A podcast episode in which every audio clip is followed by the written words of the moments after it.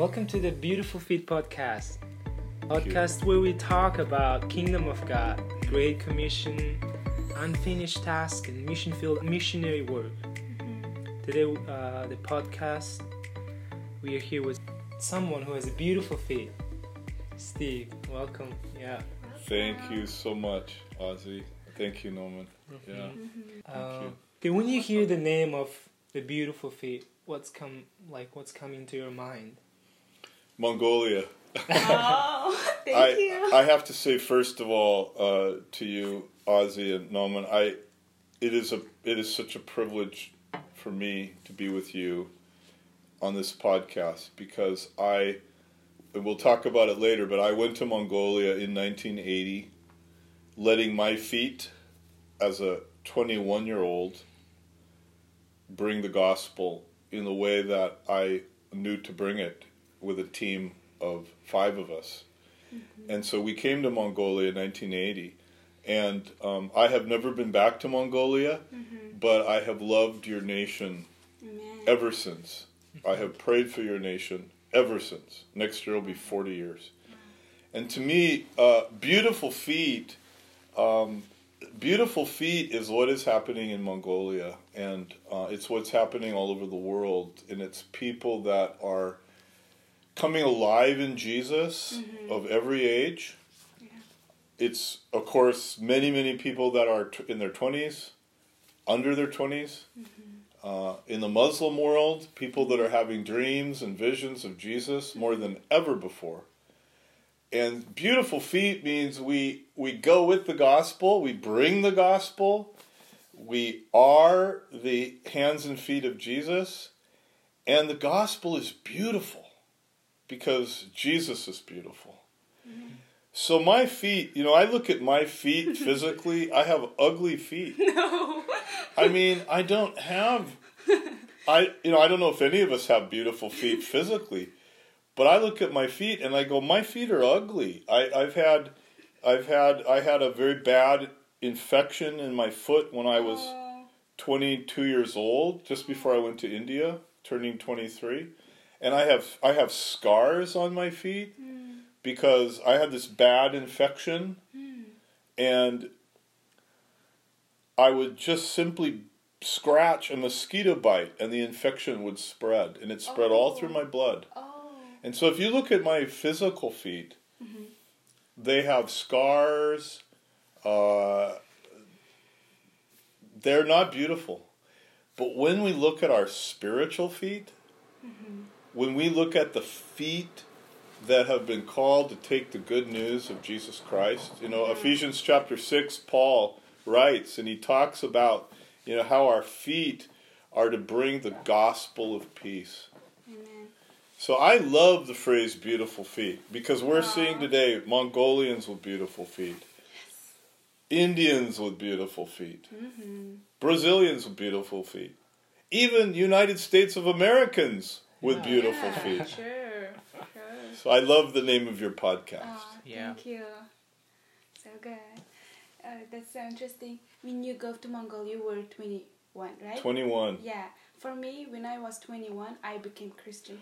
Wow. Yeah. Wonderful. That's really interesting. Yeah, that's Yeah. great. Yeah, so I have a question for you. How did you involve with the mission First time. first time? Yeah. Well, I I had the privilege of being raised in a Christian family Mm-hmm. in the northwest part of the United States, Washington State. So I was seven years old when in my church in a place called Tacoma, Washington, I, where I was born. Um, I remember to this day I remember giving my life to Jesus. I was only seven. Um, I didn't know what Jesus wanted for my life, but I wanted to serve him. Then, when I was 12 years old, um, I had a pastor that I really loved, and I thought, okay, I'm going to be a pastor. Wow. I didn't know I'd be a missionary, although I used to love to. I had a like a, a globe uh, with the map of the Uh-huh, earth, you know, yeah. and I it, the kind you can spin it. Uh huh. So when I was That's a kid, funny. many times I would sit there when I was bored, Mm-hmm. and I would spin the globe, and then I would stop it and put my finger where I was gonna go, and I say, "I'm gonna go there someday." Wow. and usually it would end up it'd be the ocean. you know, because a lot of the a lot of the Yeah. earth is actually water, right? So yeah. so it never really worked, and I never got India, which is where I've spent over half my life. I never like, Oh. but I knew I knew as a young boy Mm-hmm. that God had something for me that was beyond my country. Mm-hmm. Then when I was 15 years old, very important, I, I was helping with what was called Vacation Bible School, which many churches do that kind of helps kids. I went up to Canada, uh, the country of Canada, just a few hours from Washington. You go up there. And um, I helped with a, the, the whole theme of this Vacation Bible School that I helped with was the life of William Carey who was this great missionary to India, a Baptist missionary to Calcutta. Mm-hmm. And I remember I was giving the studies to the kids. I was 15 years old. And that's, I can't say that I felt like someday I'll be in Calcutta as a missionary, but something was happening in my heart. Then, two years later, at 17 years old, my youth pastor had served in an outreach with Youth with a Mission mm-hmm. At the Olympic Games in Munich, Germany in 1972. Mm-hmm. And he got so excited about missions and the Lord. And so he knew there was going to be another Olympic Games happening in Montreal, Canada mm. in 1976. And he got really challenged to bring a whole group of people from Tacoma churches to that outreach and join YWAM. Mm-hmm. I had never heard of YWAM. My parents didn't know about YWAM. Hmm. I became the youngest person that was on that team.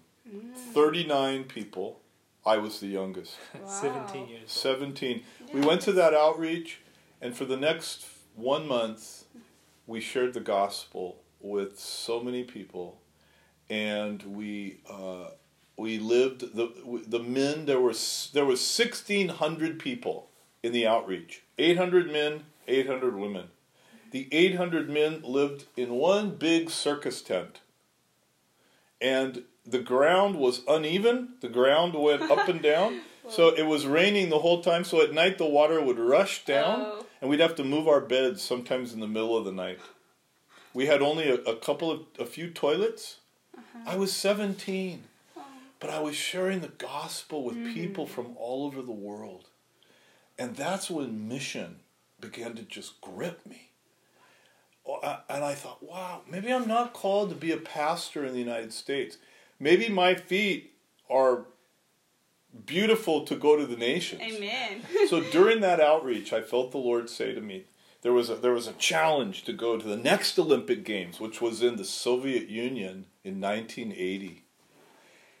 And I knew I would be by that time 21, but I didn't think I would be in YWAM. Mm-hmm. But a still small voice said to me, You will be there in mm. Russia in four years, Four years. in mm-hmm. 1976. Mm-hmm. So close. Uh, sorry, 1980. And I said, I don't think so. But then, four years later, I, that's when I was in Russia and Mongolia. So mission has been a very important part of my life, and that's really when it began. And I joined YWAM after Bible school in 1979, and in five days from now, when when this podcast is being recorded, I will hit 40 years Ooh. in YWAM. Wow. and Wow, 40 years in full time ministry. For a long time. Yeah. hmm It, is it like w- when you decided to be a missionary? I think, Well, mm. I really, I, I, you know, it's a good question, Ozzy, because mm-hmm. I, I, I don't know, I don't know when I, I, I think for me, and maybe for a lot of people, it's kind of like your beautiful, my ugly, beautiful feet. You take a step at a time mm-hmm. of obedience. Mm-hmm. Yeah. And like my mother, my mother really wanted me to be a pastor. Hmm. Even after 10 years in India, when I would come back to the States, my mommy would say, When are you going to go to seminary and be a pastor? now, she loved that I was in India, but she uh-huh. was like, Oh, I want you to oh. be a pastor. So I think I was choosing, you know, when I went to Montreal, mm-hmm. then when I I had two more years of school. Then I went to Bible school. Mm-hmm. I think it was just growing in me. And maybe maybe in some ways, yes, you know, maybe in some ways when I joined YWAM, Mm-hmm. maybe that was the the the final choice in a sense because I didn't know how long I'd be in YWAM. I didn't know I would be going to India. Uh-huh. I didn't know then. A year later it was Mongolia. Mm-hmm. But um, maybe that was you know the time. But I think we also you know I think I think missions. It's where our beautiful feet go, Mm-hmm. and we keep choosing and keep being obedient. That means your family didn't like receive really grateful when you say like you're gonna be missionary. How was your friends and family? Yeah, they were. It was hard. It Uh-huh. was hard, and you know, I, I think what was really hard is when I joined YWAM. Like I said, they wanted me to be a pastor. Uh-huh. So then, I, you know, I felt the Lord wanted me to go to YWAM. I joined YWAM in my home area of Washington State. YWAM was just starting in this in this state of Washington, so I was the first couple of years I was near them. I lived not far away. But then after three years, the Lord quite suddenly called me to go to Calcutta, India. I was 23 years old. Mm-hmm. I was in Hawaii at the time with YWAM in Hawaii, and I had to call them on the phone. Mm-hmm. And I had to say to them, Mom and Dad, I feel like the Lord is calling me to Calcutta, India. And they said, How long? Mm-hmm. And I said, I don't know. and there was silence on the other end of the phone Yeah, I would. for a while. I mean, I'm like, Are you still there?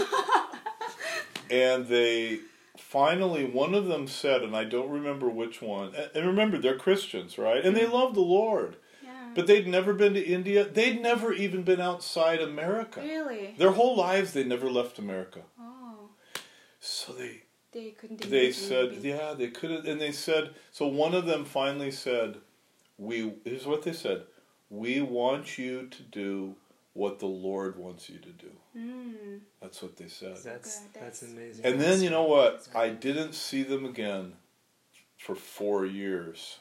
I was telling you guys that story earlier tonight, but I didn't see them for four years. I was in India, and when I came back, you know, in those days, no email, no social media, no connection. the Oh, phones were that's so bad in those days. even and we- no Facebook.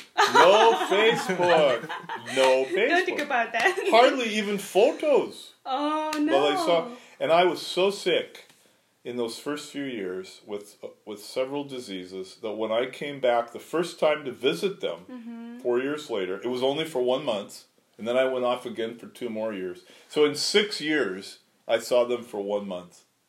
Oh. And when I arrived at the airport in Seattle, here in Washington, um, my my mom was standing with my uncle's new wife because my uncle's first wife had died while I was in India, and he had remarried.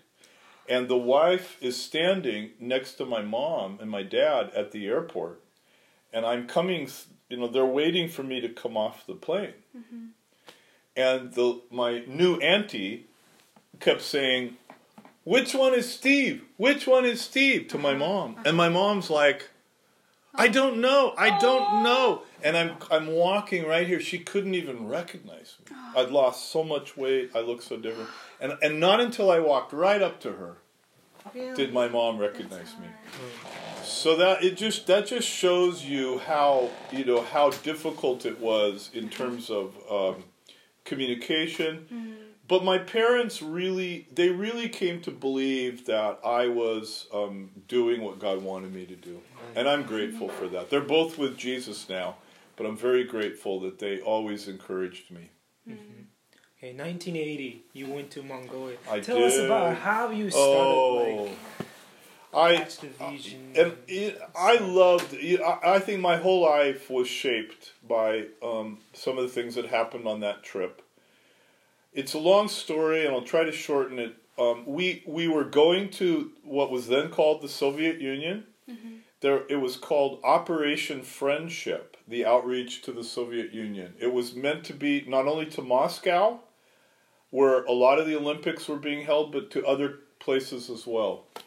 The same year, right before 1980, the end of 1979, the Soviet Union invaded Afghanistan in December, and it created it created a, a, a very difficult moment. Remember, remember, that was the Cold War period between Uh-huh. the U.S. and the Soviet Union, and so the U.S. President Jimmy Carter at the time he decided to use the Olympics, which many people disagreed with, to use the Olympics as a statement against the Soviet Union. So he he said to the U.S., "We are not going to go to the Olympics." They boy what's called boycotted. Yes. So as American citizens, we could still go into the Soviet Union, but what happened with our team is that around the same time we were planning for the Soviet Union, we went to a meeting where a, a man named George Otis Jr. Uh, was challenging people to consider not only going to the Soviet Union, but to go into Mongolia. Now, of course, in those days, Mongolia, there was not the, the, the Christian movements going on now. It was a place where people were being encouraged to go in and pray. There was not much knowledge of what was happening inside as far as Christianity. It was still part of the Soviet bloc, you know, the Mhm. the Yeah. um, what was called the Soviet bloc in those days. And so we prayed as a team. I was leading the team, five of us. None of us had ever been to Asia. We were from this state of Washington, the YWAM base that was not too far from here, down south of us where we are in northern Washington right now. And so we began to pray about going, and the Lord made it very clear we were to go to the Soviet Union and Mongolia, and that we were to come in from the east. We were to come in through Japan, come uh, fly into I, I think it was uh, from Niigata in Japan into the uh, like Khabarovsk, which is in Siberia, and then we were to get on the Trans Siberian Railroad to go and go across to Irkutsk and then fly down into uh, UB Ulaanbaatar. Ulaanbaatar. So it's a long story. What happened? Um, we did not have the money to go, and God was providing in amazing ways. But we came we came right up to the day that we were supposed to go on the trip. Our our our our trip had been arranged through a travel agent in Seattle. We were going to be spending a week or two in UB and go along the Trans Siberian Rail, Railroad. And we came right up to the final day, and our money didn't come in. We were praying and praying and praying. We were. This was July of 1980. Uh, it's a long story that happened in a very short time, but we got a lot of our money, but we didn't get all our money. And we were literally the last day trying to go to the airport, trusting God and in the Uh-huh. airport. And we went to the YWAM office before we went to the airport, and all of a sudden we found out that we our trip had been canceled by the travel agent, hmm. and we were not going. Oh. And I remember it was one of the hardest days of my life. I, I, I went back home that day. I was living with my parents right then. Mm-hmm. I was so deeply discouraged. I was 21. Mm-hmm. This was like my big first faith thing I was mm-hmm. leading. I felt I'm the worst leader. I, you know, you Oh. talk about ugly feet. my beautiful feet No. Were really ugly because I thought I am never I, I could never do this again. I have made a failure. We told everybody we're going to Mongolia and the Soviet Union. We told everybody. Uh-huh. And now we're not going. Oh, so I apologized to my team. Mm-hmm. I said, I'm so sorry.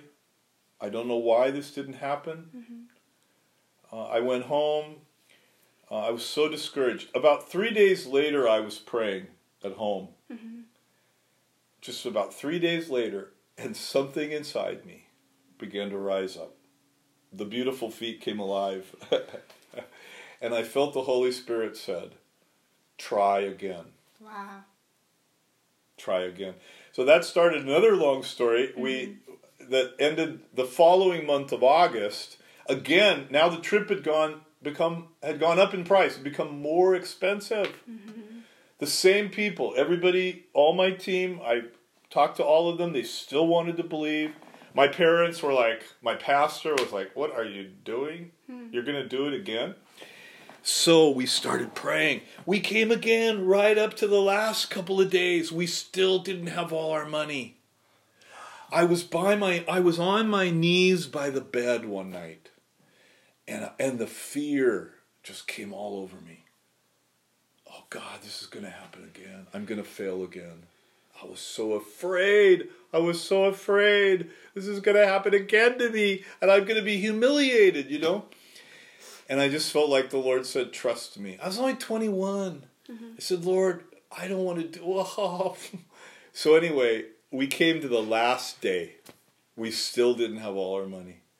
We went to the YWAM office again, just like before.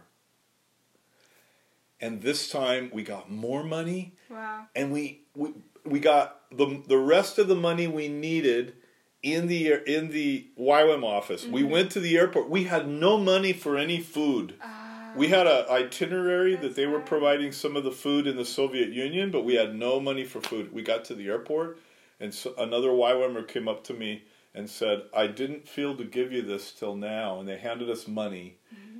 This is for your food. We got on the airplane, and we were on the airplane, and a, a missionary to Vietnam. We were on our way to Japan. A missionary to Japan to uh, Vietnam gave us money in the airplane. We get to Japan. We think, wow, now we're going to Mongol to uh, Russia. We get into Tokyo, and our visas had not come for Russia yet. Our visas had not come, and the, the, the Russian consulate told us, go to Japan, and your visas will be waiting for you in Tokyo. We went to Tokyo. Uh-huh. We were just there a couple of days. We stayed at the YWAM base. Our for visa? visas didn't arrive. Oh. Then the Russian embassy said in Tokyo, go to Niigata and they'll be waiting there. Mm-hmm. Niigata's on the western coast of Japan. Uh-huh. That's where we were catching our flight. Mm. We went there. We uh, were in Niigata. We went to the airport. We went to the desk of Japanese Airlines, Japan Airlines, and we said, Where are our Russian visas? They, they were supposed to be here. Japan Airlines said, No, there's no visas for you. Our Russian visas were not there. The next flight into Russia was one week later. We had nowhere to stay. Mm-hmm. We had almost no money for food. It was Friday. The airport was closing early. Ah. And I, I, another key moment of my life. I went. I, our, my team was just feeling so discouraged. We didn't know mm-hmm. what. We Yeah, literally did not know what to do. And I went. I went over with the Lord, and I said, Lord, I do not know what to do. We have no visas for Russia. If we didn't get into Russia, we can't get to Mongolia. We have nowhere to go. The, there's no YWAM in Niigata. It's Friday. And I thought the only thing we can do is go outside and sleep on the outside mm-hmm. of the airport. Oh my goodness. And I cried out to God, and, and I didn't have any answer. And just as I cried out to God, it started to rain really hard outside. So we can't go outside. now the police are coming to us saying you're going to have to leave the airport. There's no one left here. Oh. We have nowhere to go, no money. All of a sudden, the uh, a, a- man from Japan Airlines walked over to us, and he said, um, "I want to help you." He knew a little bit of English. He took us home to his house. He housed us overnight in his house. He gave us dinner. And then he gave us enough money to get all the way back to Tokyo in the Wow. train. He it cost so much money in Japan to go by train. Yeah. And I told him his name his his name was Mr. Hiroshi or something. I said Mm. I said we will be back in one week to take the flight into the Soviet Union and we will repay you this money. Oh. I just felt in faith. Mm-hmm. We got back to Tokyo. We stayed with YWAM. Long story. We got our visas there finally for Russia. God blessed us with money. Mm-hmm. We got back one week later. We walked into the airport, and we had we had shared the gospel with him, and we brought him a Japanese Bible, oh Wow. wow. And we said. We said, um, "Jesus loves you. We're back." And when he saw us, his face, I, you know, his face was like, because he thought, you know, these young American foreigners, he'll never see us again. Mm-hmm. Here we are. So we told him the story. We got on the plane. We got into the Soviet Union. We got to share the gospel, give out Russian tracts across the Trans Siberian Railroad. And then we came and we flew into Mongolia. And we were there because of our new itinerary, we were only there for three days. But we fasted and prayed. We had a 24 hour prayer chain where one of us, you know, one by one, we were always praying for 24 hours uh, a day In Mongolia. in Mongolia, in UB. And inside, it, what had happened was in Japan, because we'd had that, because we did not get our Russian visas, hmm. and we had that week, we were able to go to Yokohama and meet with a Japanese pastor mm-hmm. who had been praying for Japan for he'd been praying for Mongolia for many years. Even though Mongolia it was hard to get into in those years, it, he you know he would go he could get in as a Japanese, but he had he had a deep burden for Mongolia. I don't know if he's even still alive. I, I don't have any contact with him. What was his name? I think it was something like I have it don't written remember. down somewhere, but it was like something like Pastor Hayashi, Mm. but it was a little different than that. Mm-hmm. And he was based in Yokohama, and he told us, my another guy on my team and I went down to visit him, and he goes, "If you could, guys could get into Mongolia, there's something in UB."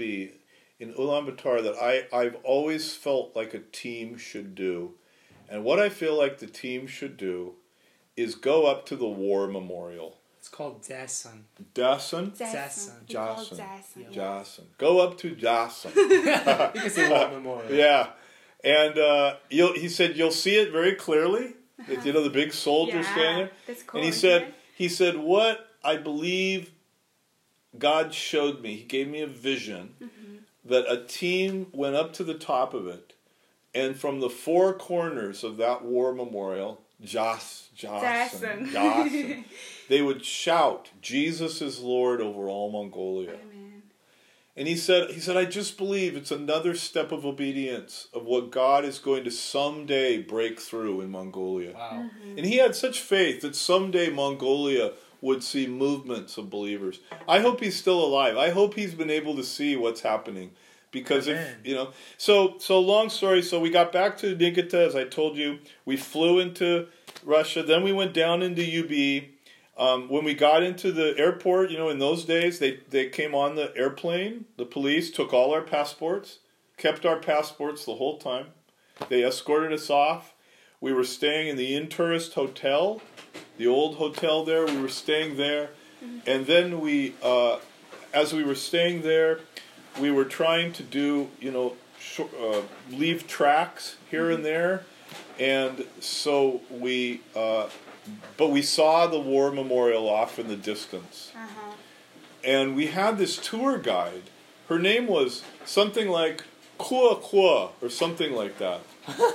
And uh, she was a, a I don't know how you would say it in Mongolian language, Cool, cool. but yeah, Kua Kua.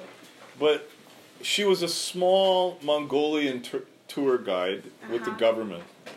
small lady, and uh, she spoke English, and so she was she would take the tourists around, right? Mm-hmm. She would never leave our side for three days. She was with us not, everywhere. We thought, how are we going to get to the top of the war memorial? She's always there, and she understands English, you know. Mm-hmm. So finally, what happened? The final day, we were praying, God, how are we going to get to the war memorial? How is it? How are our beautiful feet going to get way up those steps? There's Yeah. how many steps? How? Many steps. I don't know. That's many- a lot, steps. Yeah. Yeah. So what happened was one. of- f- There's five of us on the team, right? One of us stayed back to pray. This was our last chance to go out on a tour group time. And Kua Kua said to us, Kua Kua said to us, she said, um, I'm going to take you and see the war memorial. So as we looked at it, we got closer and closer. We were praying under our breath, how do we get rid of her? What do we do? How do we. And when we drove up to the war memorial at the very bottom, uh-huh. she said, My feet are really hurting today, Oh, so I'm not going to go with you. You see where it is, you go ahead and go. we looked at each other. We thought, oh. so the four of us, the other one was back praying. The four of us went to the top of that war memorial. We and there were other people there, but we were just praying they wouldn't understand English. You know, they were I don't know if they were North Koreans or in those days, you know, Uh-huh. or where they were from, Eastern Europe or I don't know, Russians. But we went to the top, and from each corner, we we uh, tried to do it at the same time. We tried to not shout too loud. we didn't want her to hear us at the bottom. We didn't know if anybody would understand and like take get us in trouble. But we felt like we were obeying the Lord. And so we did that. We proclaimed Jesus as Lord over all Mongolia. Awesome.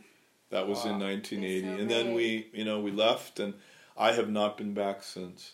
But when I go there Mm-hmm. in God's grace next year, I want to I, I want to go to the top of the war memorial Mm-hmm. and I want to shout that out. Oh, we want to do that with you.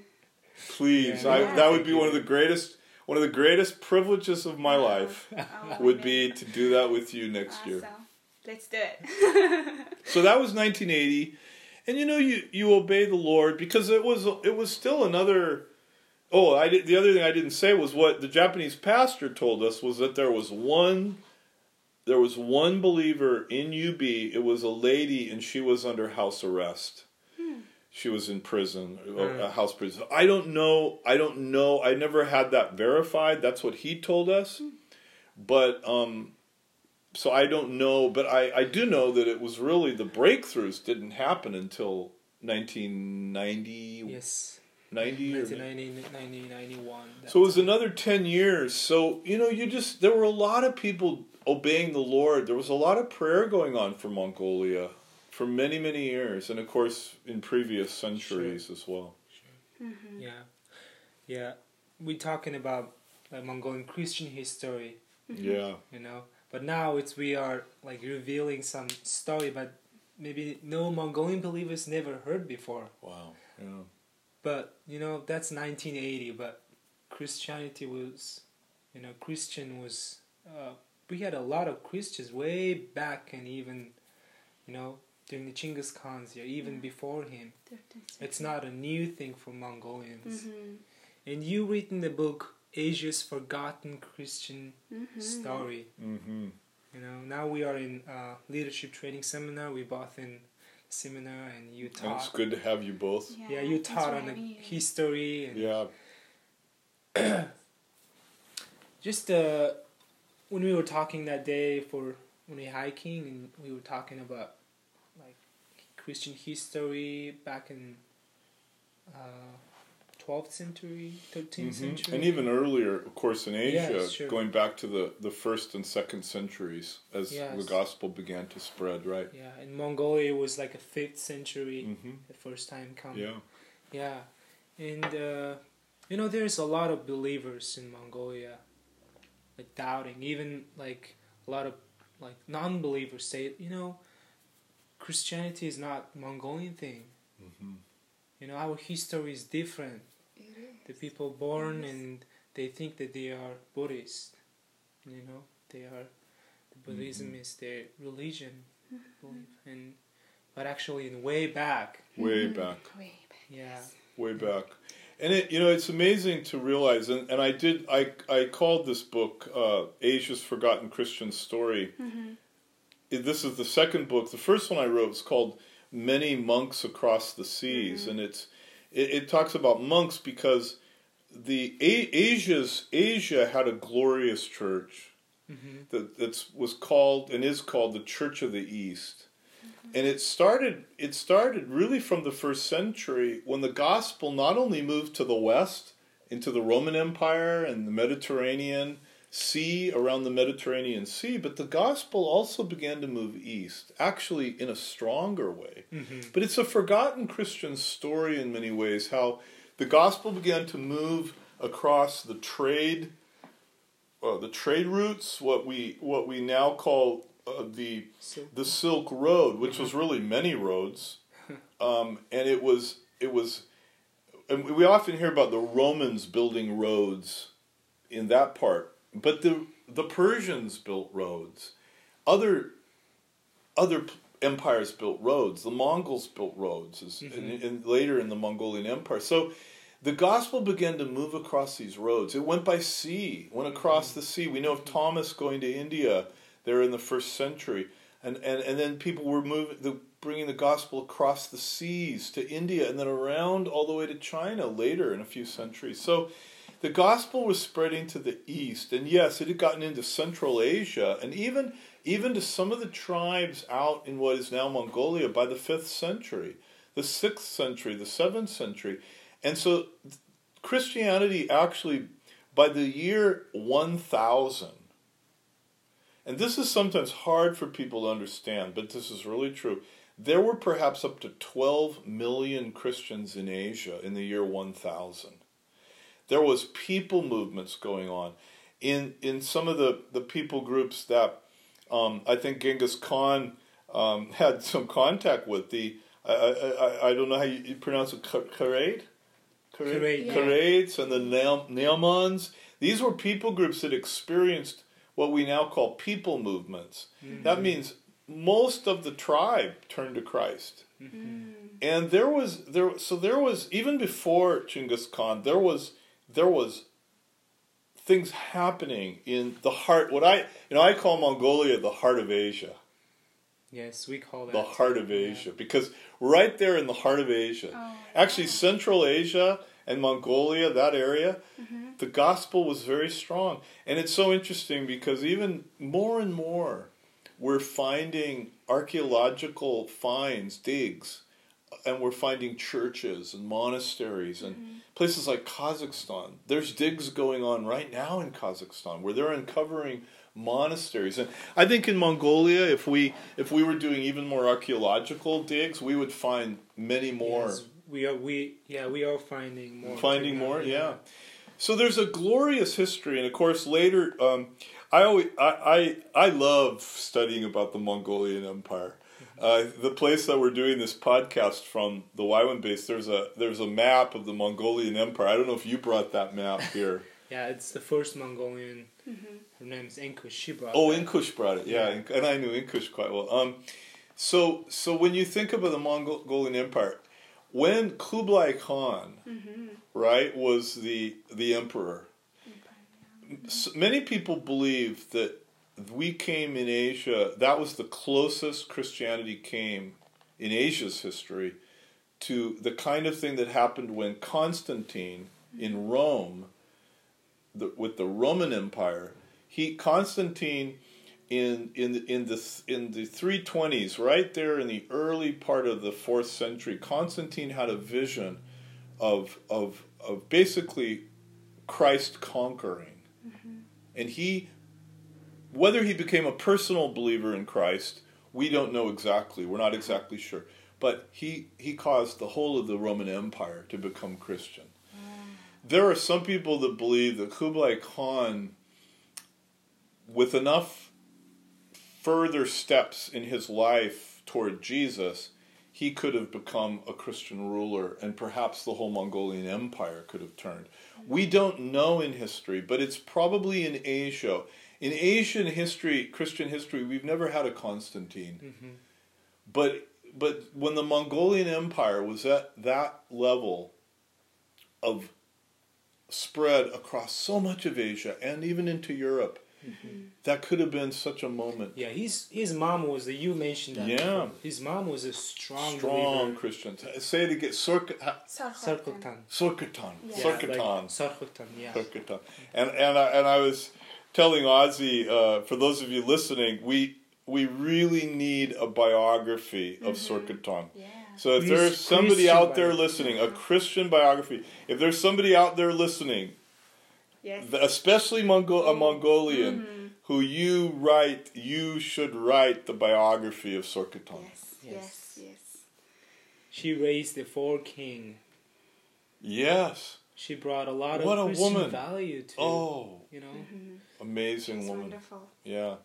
So there is so much history in the Mongolian story about Christianity and and Ozzy you you alluded to this but but what I've seen in India too is is there are there are very strong groups in India that are not Christian groups that that always say, well, especially Hindu groups that say Christianity is a foreign religion, Christianity is a Western Yeah. religion.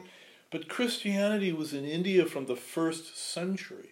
Even the first prime minister of India, Jawaharlal Nehru, mm-hmm. he himself said that we had Christianity in India way before Europe. First century. First Wow. century. You know, the mi- parts of Europe had had not even had had it. Parts had, right? The areas of the Roman Empire Uh-huh. had Christianity to some degree, but you know there were other parts like what is now Scandinavia and other parts did not have Christianity until much later.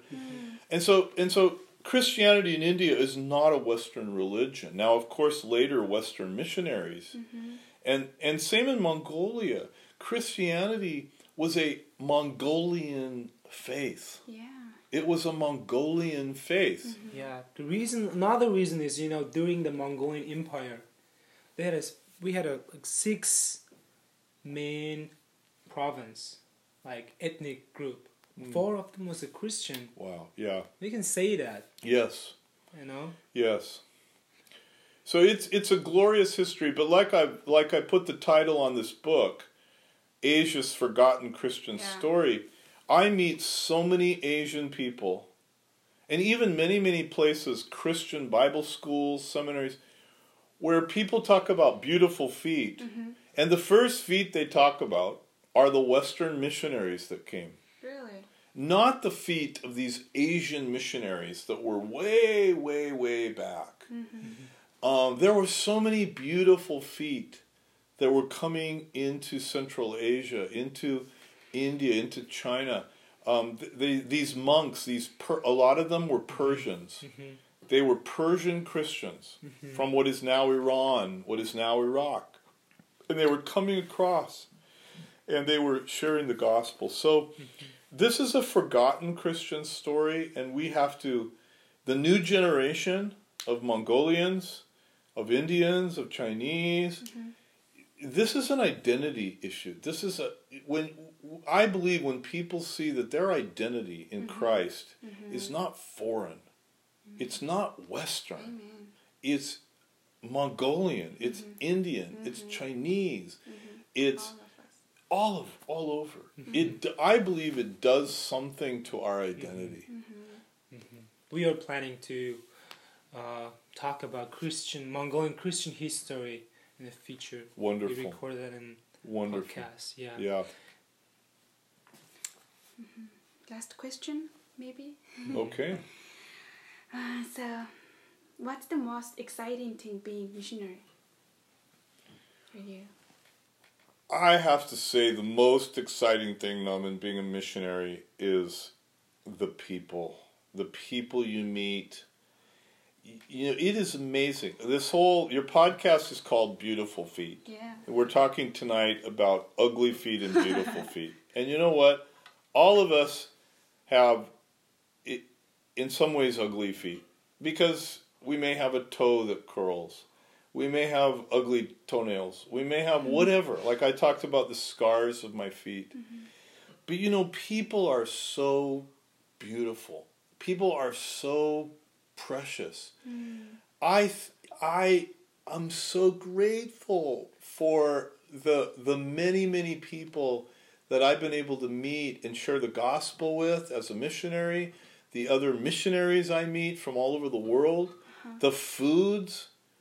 My wife and I raised two daughters in India. They're now now the girls are 25 and 23 years mm-hmm. old. Mm-hmm. And our oldest daughter is is a missionary with YWAM. Oh yeah. Our other daughter is a missionary in Hollywood as an actress. That's And you know, our girls, they will never, ever regret, and they love India. They never regret growing up there because of all the people that they got to know. Um, there's such treasures in people, right? And so I think I think it's amazing um, our beautiful feet taking us to these countries because we we we we get new foods, we get new languages, mm-hmm. we get to be in different cultures Yeah. we get to experience lots of different things. And there's lots of hard times too. I've mm-hmm. had plenty of really hard times in my life but mm-hmm. the greatest thing has been um, being able to see the people and and and in seeing the people a couple of things. One is leading people to jesus so i've led hindus to jesus. I've led muslims to jesus. Um, buddhists not so much but i've shared the gospel with buddhists. And uh, and I, i've led other people to jesus from people that thought they were christians right? But but leading people to jesus and then and then seeing them grow in the faith discipling them. So it's leading people to Jesus and discipling people. It's it's all about that people, right? But it it's been such a a joy to be a missionary, and you know when I look at I, when I look at my feet, um, I just say, God, thank you for where you've taken these feet. Amen. I've been to about a hundred countries in the world. Wow. I'm the only one in my family. I mean, only my sister out of four children and my parents. Only my sister has been outside the United States. She's been to mm. like three countries. Mm. Why did God choose me? Mm-hmm. Why did God choose my feet? Why did God choose my feet to go to Mongolia when I was 21? To go through all those experiences just to mm. get to Mongolia. Mm-hmm. And then to just spend three days there. In my whole life, Only three. I've only spent three days in that country. And yet I love that country so much. Why did God let me go to India? I, I started the first YWAM base in India. Why me? Why did these feet get to do that? I have such a heart for the Muslim world. I, I've been in so many Muslim nations and shared with Muslim people. Why me? Why our feet? But this is the joy that we we are chosen and we are called. Yes. And our feet, no matter how ugly they are, no matter, you know, all the listeners of of this podcast, no matter if we don't even know if we if we want to follow Jesus or if we already follow Jesus and we think, "Oh, what do we have to give in our lives?" But the beautiful feet is the anointing of the Lord. And he makes our ugly feet beautiful. He makes our ugly lives beautiful. Amen. It's, Amen. He makes It's us to be Awesome. shining, shining ones when we're in Jesus. Amen. And so I tell you, one of the greatest things I look forward to in my life is 40 years later, next year, uh-huh. being in Mongolia, getting off that airplane, seeing you guys. They'll be mar- you'll be married by then. Yeah. Going up to the top of that war memorial. Yeah. And I- you know what I'm going to do? I'm not just going to be saying, Jesus, you're already Lord, you're Lord of all Mongolia. Mm-hmm. I'm going to be saying, Jesus, you're Lord of Steve. Amen. Mm-hmm. You're Lord of Steve, right? Because Yeah. Jesus is Lord of Mongolia, but he's Lord of us personally. Yeah. So that's how I want to spend the rest of my Oh. life. Um, letting these feet go wherever these feet go. So great. Thank and you. it's a privilege to to be with you two in that Thank you. in that This is journey. honor to honor us for us to have you here. Thank you so much. Thank Yeah. you for so this. great. We'll meet you again in our podcast when you come to Mongolia. Yes, Yes, let's do it again. Let's do it again. Let's do it after we, let's do it after we go to the war memorial. Thank Okay. you so much. Thank you guys. God bless you. Such a blessing. Okay.